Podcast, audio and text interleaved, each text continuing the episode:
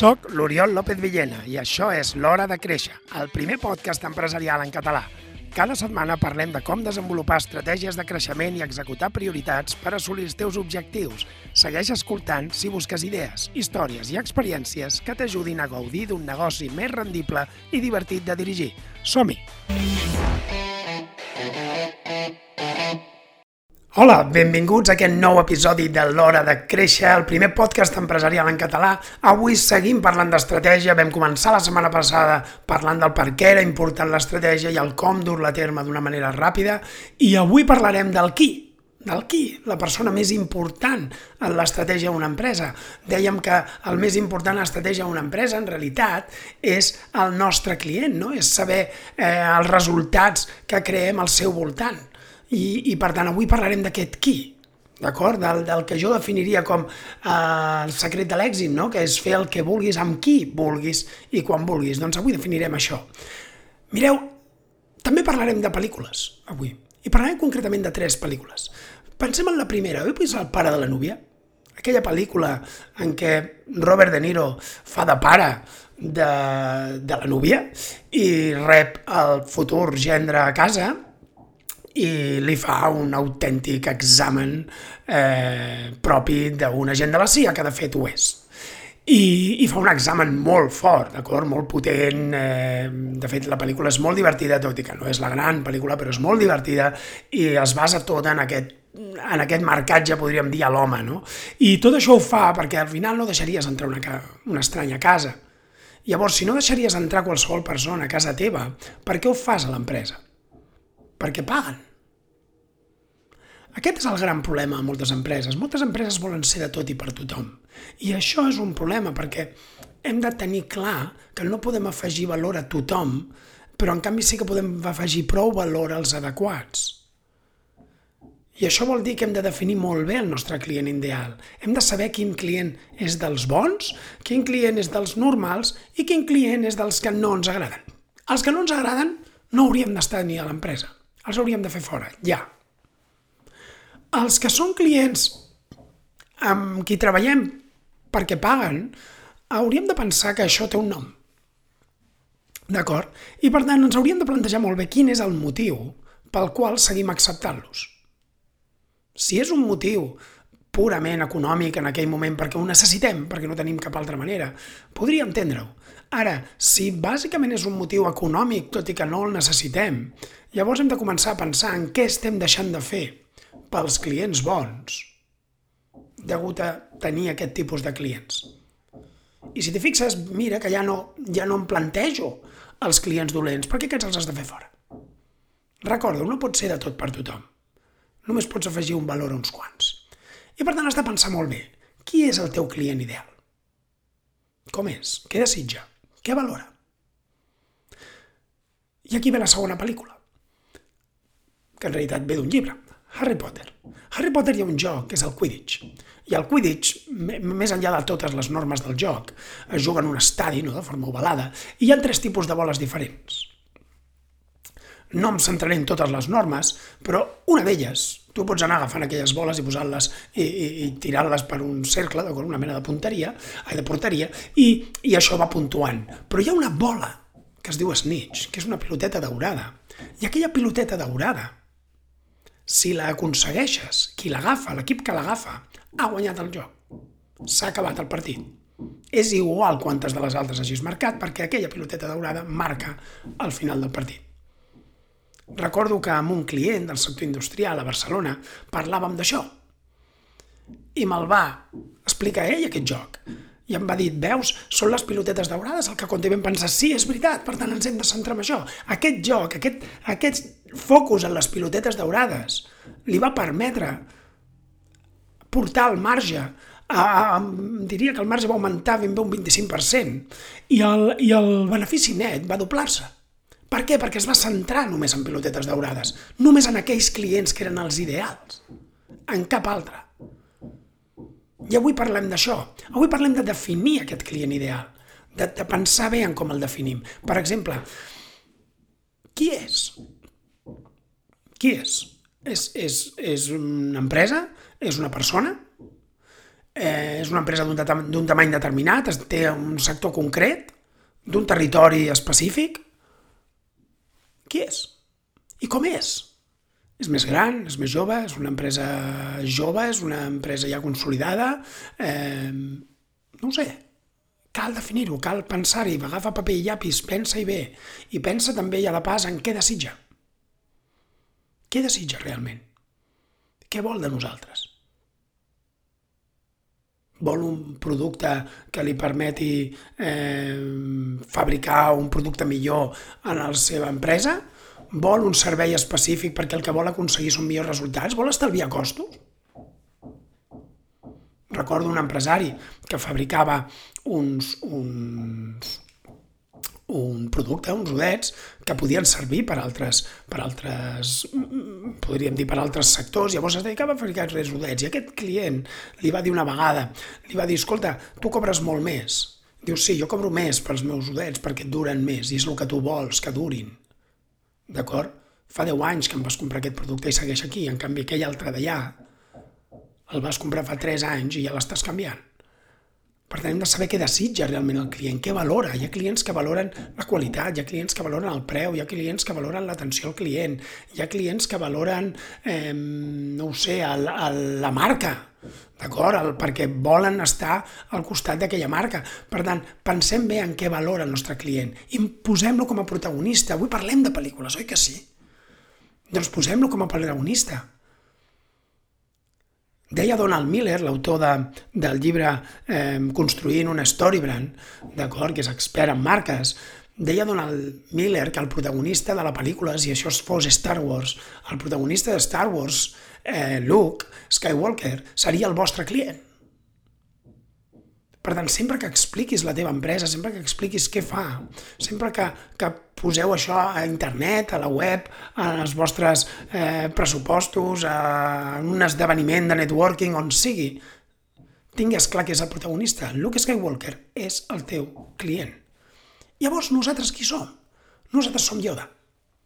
Som el guia, som la, la persona, l'empresa que ajuda el nostre client a aconseguir uns resultats concrets recordo la, en un aniversari, un dels meus aniversaris, no? quan vaig, vas fent anys i, i et van felicitant, i això a les xarxes socials, a més, ho ha fet encara més, més no sé si dir divertit o estressant, no? perquè quan, quan fas anys se t'omplen de missatges les xarxes socials de felicitació. D'acord? I a LinkedIn, per exemple, eh, vaig rebre molts missatges, molts missatges. Perquè LinkedIn, a més, té una, té una funció molt especial, que és que pots, apretant un sol clic, pots felicitar de manera automàtica aquella connexió que tens. I l'automatisme la, fa una felicitació molt automàtica, no? que és moltes felicitats i res més. No? I, I, per tant, vaig rebre molts missatges, molts missatges d'aquests. Rebia tres tipus de missatges, no? Vaig, en realitat rebia dos, fins al tercer que us explicaré. El primer tipus eren aquests, els estandarditzats. Rebia molts missatges de moltes felicitats, moltes felicitats, moltes felicitats. Aquests missatges els vaig respondre, però els vaig respondre amb un gràcies, gràcies, gràcies. Després hi havia un altre tipus de, de missatge, no? I aquest altre tipus de missatge era el, el missatge personalitzat. Moltes felicitats, Oriol, espero que estiguis bé, coses d'aquest estil. I, I aquest missatge, que és personalitzat, em vaig dedicar a respondre'ls personalment. Però tots aquests missatges, al final, eren missatges que parlaven de mi. La gran sorpresa va venir quan vaig rebre un missatge que després de posar-me de manera estàndard moltes felicitats, va començar a parlar-me d'ell. A dir-me, si vols saber més del que faig, pots anar a la meva web i a més tinc un e-book gratuït i a més tinc no sé què. I vaig pensar, està molt equivocat. Avui jo sóc el protagonista. Avui el protagonista sóc jo, faig anys. M'estàs felicitant, per això sóc el protagonista. No sé per què parles de tu. De fet, vaig escriure un article sobre, sobre ell, li, li vaig dedicar, d'acord? Perquè en aquell cas sí que el protagonista va ser ell. Per tant, fem aquest exercici. Mira, agafa paper i llapis, o si estàs al cotxe o no pots agafar-lo, eh, pensa i vés aturant, si vols, l'àudio. I en primer lloc pensa en el teu millor client. Qui és el vostre millor client, el millor client que teniu a l'empresa? El millor client, sigui actual o sigui del passat. Pensa en ell. I, i és aquell client que ens valora, eh? a qui valorem, que ens valora, que moltes vegades, doncs, no, en realitat no és que no discuteixi el preu, sinó que entén el valor que portem i, per tant, pot discutir coses, però no, però no, no, no, no se'l veu preocupat per estalviar-se un cèntim cap amunt, un cèntim cap avall. I descriu-lo en detall. És a dir, descriu en detall aquest client d'on és, quin tipus d'empresa té, té, si és que és una empresa, o quin tipus de persona és, no sé, es diu Joan, té 40 anys, té eh, parella i un fill, i té una hipoteca... És a dir, descriu-lo molt de detall, molt de detall. I aquest és el teu perfil de client ideal. Pots tenir-ne un o dos, podries tenir-ne més d'un. És possible, hi ha empreses que es dirigeixen a dos o a tres màxim, perfils, de, o sigui, clients ideals, però és difícil que en tinguis molts més. Perquè si en tinguessis molts més, potser hauries de tenir marques diferents. Perquè no tothom eh, podrà, podrà encaixar. I quan tu vulguis vendre els teus serveis i quan vulguis oferir, quan vulguis promocionar, eh, el màrqueting, de fet, necessita un receptor clar. Si tens 40 receptors no, no, no et serveix. Per tant, descriu-lo amb molt de detall, aquest client o aquests dos clients ideals. I per últim, agafa aquesta avaluació que has fet, i agafa aquest, aquest perfil que has descrit i avalua tota la resta de clients que teniu a dia d'avui comparant-los. Comparant-los. I, i compara'ls de manera que diguis aquest ho compleix, aquest no ho compleix. No ho, no ho compliquis, no posis avaluacions de molts números, eh, això és un 7 sobre 10, un 6 sobre 10. El millor és aquest ho és o no. I després, si vols, ja entres als que no, i avalues els que són dels normals o són dels que segur que no. Recordo un client meu que ho va fer molt més fàcil. No era ben bé el que jo he fet, però ho va fer molt més fàcil. Va fer una llista de tots els clients que no els agradaven. I, i es va dedicar durant uns mesos a fer-los fora. I dic durant uns mesos perquè, òbviament, no podia fer-los fora de cop, per tant va anar a poc a poc i va anar fent-los fora i va anar pensant el missatge que transmetia cadascun i, i, i així és com va funcionar, no? Però al final es va fer fora. I descobreixes quan un client és mal client, quan veus que al llarg de la teva empresa aquella notícia es rep amb una amb alegria i no amb, i no amb tristesa. Recordo que en el meu despatx teníem uns clients, teníem una clienta concretament, que era molt tòxica una clienta um, a la qual el meu equip tenia por. Cada vegada que trucava, patien. Patien, patien, literalment patien. I un dia, després de moltes queixes d'aquesta clienta que es queixava de coses que no tenien cap ni cap ni peus, es queixava de l'equip, es queixava de la gent, no tenia raó, un dia li vaig dir que no volia que continués amb nosaltres, que es busqués un nou despatx i que eh, no volia tornar-la a veure. Li vaig donar un termini d'un mes i va buscar-se un despatx i ja està. Quan vaig tornar a casa, a casa, al despatx, i ho vaig explicar a l'equip, em vaig rebre la visita, o vaig rebre la visita just després, de la persona que era la meva segona de bord. I va entrar al meu despatx, em va explicar, em va dir, mira, Oriol, sabem que aquest client representa uns diners importants i hem decidit amb l'equip que si cal que nosaltres fem un esforç econòmic també per suplir-ho, el farem.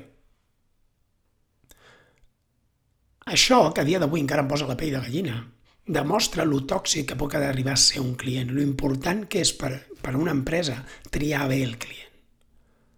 Perquè un bon client et farà guanyar rendibilitat, et farà tenir negoci recurrent, comprarà altres productes i serveis, et farà tenir referències, dir, recomanarà altres clients i, i, i en rebràs més d'ells, no? Però sobretot aporta tranquil·litat, aporta felicitat, aporta benestar, aporta calma. I això només t'ho aporta un bon client. Bé, la setmana que ve ens retrobem, ens retrobem amb el consultori que fem a rac a la primera pedra, amb un consultori basat en les vostres preguntes, envieu-me un e-mail a oriol.oriolopez.com respondrem aquestes preguntes i eh, d'aquí dues setmanes ens retrobem. Ens retrobem amb un episodi dedicat al què, a quins són els resultats tangibles i intangibles que podem i que volem aportar als nostres clients. D'acord? Parlarem de preus, parlarem de servei, de producte, parlarem de, dels beneficis que obté el client, de, de propostes úniques de valor, eh, parlarem de, del que nosaltres, no, no del que nosaltres podem fer pel nostre client, sinó del que el nostre client obté de nosaltres. Recordeu, el protagonista de la pel·lícula és el nostre client.